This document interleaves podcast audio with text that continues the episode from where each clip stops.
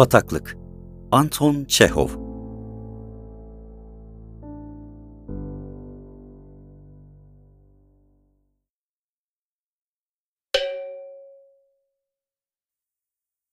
At üstünde, heybetle sallana sallana, kar gibi beyaz subay ceketli genç bir adam. Emi Rutein halefleri müskirat fabrikasının büyük avlusuna girdi. Güneş, Teğmen'in yıldızları üzerinde, kayın ağaçlarının beyaz gövdelerinde, avluda, şurada burada duran cam parçalarında kayıtsızca gülümsüyordu. Her şey aydın, sıhhatli bir yaz gününün güzelliğini taşıyor, hiçbir şey taze bitkilerin neşeli neşeli titremesine, açık mavi gökyüzüyle kırpışmasına engel olmuyordu. Hatta isli tuğla yapıların çirkin manzarası, boğucu yağ kokuları bile havanın hoşluğunu bozamıyordu. Teğmen eğerinden neşeyle atladı.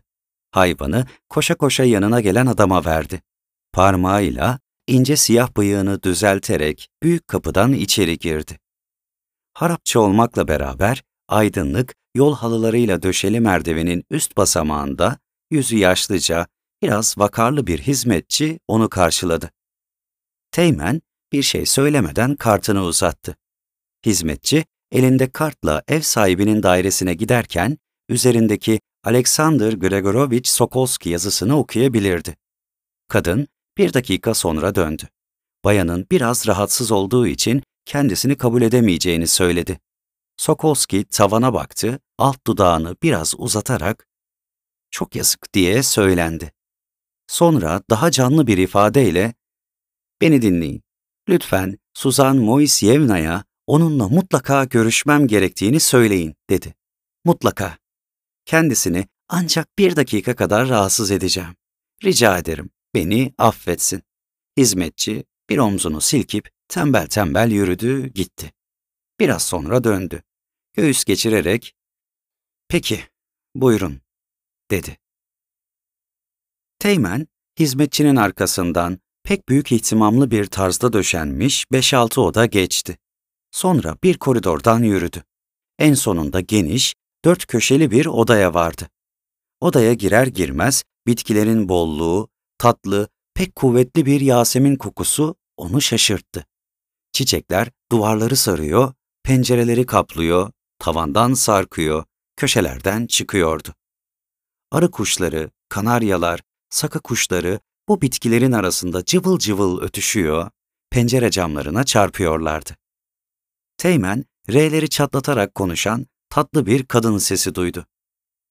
Sizi burada kabul ettiğim için kusuruma bakmayın. Dün yarım baş ağrısı çektim. Bugün de tekrarlamaması için yerimden kımıldamamaya çalışıyorum. Arzunuz efendim? Kapının tam karşısında ihtiyarlara göre büyük bir koltukta başını geriye yastığa bırakmış, üzerinde kıymetli bir Çin sabahlığı bulunan, başı sarılı bir kadın oturuyordu. El örgüsü yün örtüler arasından ancak uzun, solgun, sivri, hafifçe semerli bir burunla bir de kocaman, tek siyah göz görünüyordu. Geniş sabahlık kadının boynunu ve vücudunu saklıyordu. Ama güzel beyaz eline, sesine, burnuna, gözüne bakılacak olursa 26-28 yaş arasında görünüyordu. Teğmen mahmuzlarını şıkırdatarak sizi görmek için bu kadar ısrar ettiğim için beni bağışlayın dedi. Müsaade ederseniz size kendimi tanıtayım. Sokolski. Buraya kuzenim, komşunuz Alexey Ivanovich'in bir işi için. Suzan Moisyevna onun sözünü keserek, ah bilirim dedi. Kurukov'u tanırım. Buyurun, oturun. Karşımda büyük bir şeyin dikilip durmasından hoşlanmam. Teğmen, mahmuzlarını bir defa daha şakırdattı.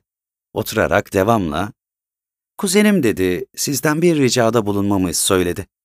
Merhum babanız kışın ondan yulaf satın almış. Bu yüzden biraz borçluymuş. Bonoların müddetli bir hafta sonra bitiyormuş. Kuzenim, acaba bu borcu bugün verebilir misiniz diye ayrıca rica ediyor. Teğmen konuşurken yan gözle dört bir yanına bakmıyor, acaba yatak odasında mıyım diye düşünüyordu. Odanın bir kenarında bitkilerin daha yüksek, daha sık olduğu bir yerde sanki cenaze için yapılmış pembe bir cibinlik kubbesi altında bir karyola vardı. Yatak hala düzeltilmemişti. Buradaki iki koltuk üzerinde buruşturulup atılmış bir yığın kadın elbisesi duruyor, eteklerinin, kollarının buruşuk dantelleri halıya sarkıyordu. Halının üstünde kordonlar, birkaç sigara izmariti, karamele kağıtları göze çarpıyordu. Karyolanın altında da çeşit çeşit pabuçların sivri ve küt burunları görünüyordu. Teğmen'e öyle geldi ki o bayıltıcı Yasemin kokusu çiçeklerden değil, yataktan, papuçların bulunduğu yerden çıkıyordu. Suzan Moisyevna, bunların tutarı kaç ruble diye sordu. 2300.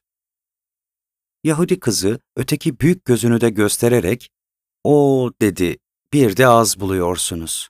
Hoş, benim için aynı şey. Ha bugün vermişim, ha bir hafta sonra. Ama babamın ölümünden beri bu iki ay içinde o kadar çok borç ödedim, o kadar can sıkıcı işlerle uğraştım ki başım dönüyor. Avrupa'ya gitmem gerek. Oysa ben burada bir takım budalalıklarla uğraşmak zorunda kalıyorum. Vodka, kepek, senet, sepet, faiz yahut da Kahya'nın dediği gibi faiz. Bunları söylerken gözlerini hafifçe kapadı. Berbat bir durum. Dün inhisar memurunu düpedüz kovdum. Bir Bay Trales diye tutturmuş. Ben de ona dedim ki, bu Trales kimse Allah belasını versin. Kimseyi görmek istemiyorum. Bunun üzerine elimi öptü, çıktı. Bana baksanıza, şu kardeşiniz iki üç ay bekleyemez mi? Teğmen gülerek, merhametsiz bir soru, dedi. Kardeşim bir yıl daha bekleyebilir ama benim bekleyecek halim yok. Size açıkça söyleyeyim. Ben kendi işim için uğraşıyorum. Bana mutlaka para lazım. Aksiliğe bakın ki kardeşimin de bugünlerde nakit olarak bir tek rublesi bile yok. İstemeye istemeye, öteye beriye gidip para toplamak zorunda kaldım. Biraz önce bir ortakçı köylünün yanındaydım. Şimdi sizin evinizdeyim. Biraz sonra başka bir yere gideceğim. Ta 5000 rubleyi toplayıncaya kadar. Paraya dehşetli ihtiyacım var. Canım, sizin gibi genç bir adamın paraya ne ihtiyacı olabilir? Yoksa bir delilik mi yaptınız? İçtiniz mi? Oyunda mı kaybettiniz? Yoksa evleniyor musunuz?''